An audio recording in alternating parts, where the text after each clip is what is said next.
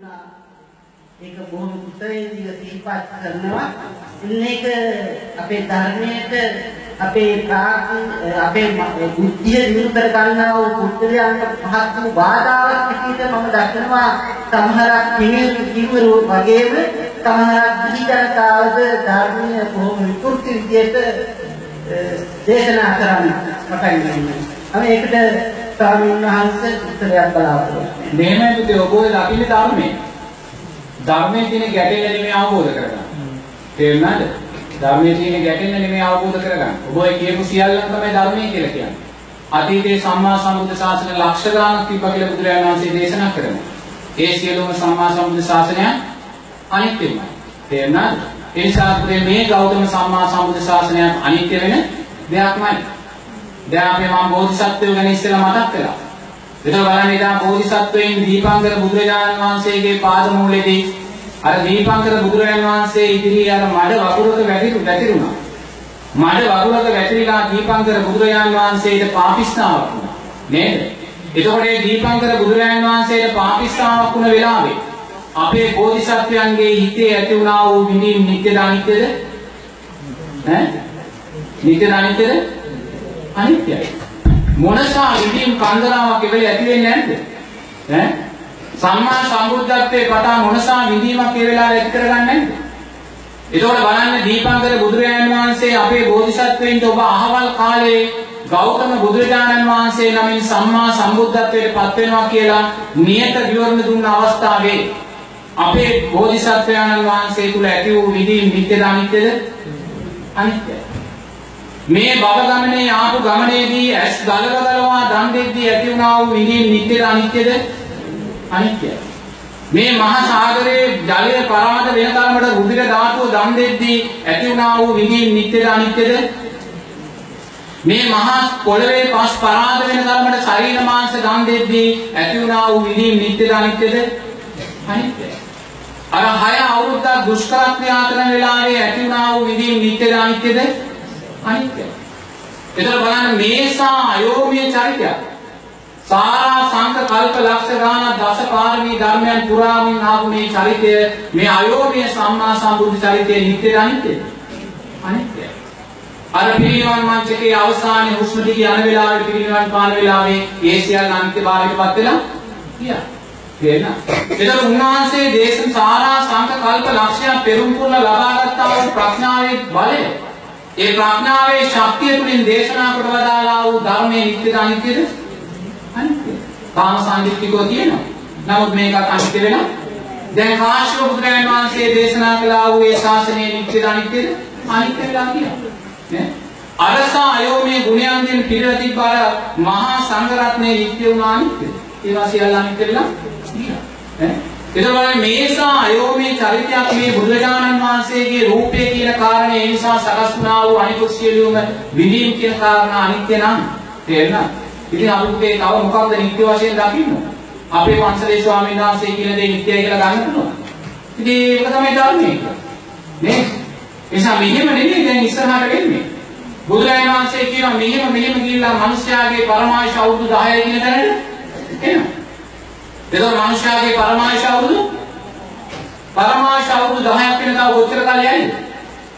කියන්නේ කල්පනා කරලා පරමායශ අවුරුදු 10ක් වෙන තැනට කොච්චර යයිද කියලා? උත්තර දෙන්න පුතේ. කොච්චර දරුවෝ? 2000 මොකද? 2500. තව කියන්නේ පරමායශ අවුරුදු 10ක් වෙන තැනට යන කොච්චර කාලයයිද? ඈ 1500 දැන් මෙහෙම පුතේ අපි ඒ කාලේ මානවා උත්තරේ නම් හරි ඉතින් ඔයාලා. ඒ කියන්නේ දැන් බුදුරජාණන් වහන්සේ ජීවමානව මීට ඉති අවුරුදු 2600කට කාලේ. එතකොට මේ 2600 කාලය තුල ආවිෂාඩකි මොකද ඒ කාලේ අවුරුදු 120ක් තමයි පරමාර්ථ. මහා කාශ්‍යප මහ රහතන් වහන්සේ ආනන්ද මහ රහතන් වහන්සේ අවුරුදු 120ක් ජීවත් වුණා. බාකුල මහ රහතන් වහන්සේ විතර විශේෂ කුසල හේතුව නිසා අවුරුදු 160ට නමුත් එදා පරමාර්ථ අවුරුදු 130ක්. එතකොට මේ 120යි කියන තැන දැන් මේ 65කට වගේ වහින්න අවුරුදු වගේ 2600 ගියා. ඉතින් මේ ගෙවි ගිය අවුරුදු 2600 කියන්නේ මාත්‍රෝ මේ ලෝකයේ ස්වභාවිකත්වය තුල ගලා ගියා වූ ලෝකයක්. වසවිස රසකාරක කුමිනාශක බෝම්බ පරමාණු තිබ්බේ. නමුත් අදින් පස්සේ බිහි වෙන්නා වූ ලෝකයේ විකෘතිය. නේද? ඒ විකෘති ලෝකයේ තුල මාත්‍ර ඉතුරු අවුරුදු 55 අඩු වෙන තව අවුරුදු 1500ක් යන වෙන්නේ හේතුඵල ධර්මයන් නම් දකින්න. හේතුඵල ධර්මයන් නම් මේ දකින්න. තේරෙනවද? මෙතන 2600 දැන් 60ක් ගන්නවා. එන තව 55ක් අඩු වෙන අවුරුදු මේ දැන් අදින් පස්සේ දී වෙනා ලෝකේ මා විෂම ලෝකයක්. තේරෙනවද? වසවිසෙන් රසකාරක ගුමිනාශක වලින් ඔය සියල්ලම ගහන ලෝකයක්. එහෙනම් දැන් ඔතෙන්ට එන්න බුදුරජාණන් වහන්සේ කියන පරමාවශ 10 කියන දැන් දෙනවා කියලා. ඒ පරමාවශ 10 කියන තැනේදී මූර්ත සංඥාව සකස් වෙනවා. මූර්ත සංඥාව මිනිස්සයා. මිනිස්සයා තව මිනිස්සෙක් දකින්න මූර්තෙක් ඇටියෙ. තිරිසනෙක් ඇටියෙ. මරා ගන්නවා කියන්නේ. මේ පෘථුවිය ලේ විලක් වෙනවා කියන්නේ. තේරෙනවද? දැන් එතෙන්ට අපි යනවා. තේරෙනවද? දැන් මේ මේ දීඝ අවස්ථාව තමයි අපි මේ ලෝකේ දකින්නේ. දැන් පරමායුෂ 10 කියන තැනට යනවා කියන්නේ ඒකට අවුරුදු 5ක් වෙනකොට යා දරුවේ විහි කරනවා අම්මා. 6 වෙනකොට යා මුණුපුරු මිනිගිරිය ලබලා. අත 8 වෙනකොට යා දැන් සාමාන්‍යයෙන් ගැහැණු දරුවෙක් අවුරුදු 8 වෙනකොට 9 වෙනකොට වැඩි විදිහටපත් වෙනවා. ඒ අවුරුදු 8 දී 7 දී වැඩි විදිහටපත් වෙනවා කියන්නේ යාට දරුවෙක් දරා ගැනීමේ ශක්තිය තියෙනවා. නමුත් සමාජය තාම එතෙන්ට යන්නේ නැහැ. ඇයි? සීලය සමාජයේ සමාජය තුල සීලය සමාජයෙන් බැහැර වෙලා දුස්සීල වෙනකොට මිනිස්සයා එතෙන්ට දැන් තිරිසන් ලෝකයේ සීලය නැහැ. ඒ නිසා තිරිසන් ලෝකයේ එතෙන්ට යනවා. මිනිස්සයා තාම එතෙන්ට යන්නේ නැත්තේ මිනිස්සයා තුල තාම සීලය තියෙනවා. දුස්සීල වෙනකොට මිනිස්සයා එතෙන්ට යනවා. එහෙනම් පුතේ අවුරුදු 5 වෙනකොට දරුවෝ හඳුනවා කියන කාරණේ තව ගොඩක් ඈතට යන්න වෙන්නේ. ඒ නිසා භයානක තැනක් අපි ඉදිරියේ තියෙනවා. තේරෙනවද? ඉතින් එතනදී ධර්මයක් නැහැ. ධර්මයක් ඒ කාලේ නෙමෙයි. දැන් කාසාය කන්දකලේ කාලේ වෙනකොට ධර්මයක් නැහැ.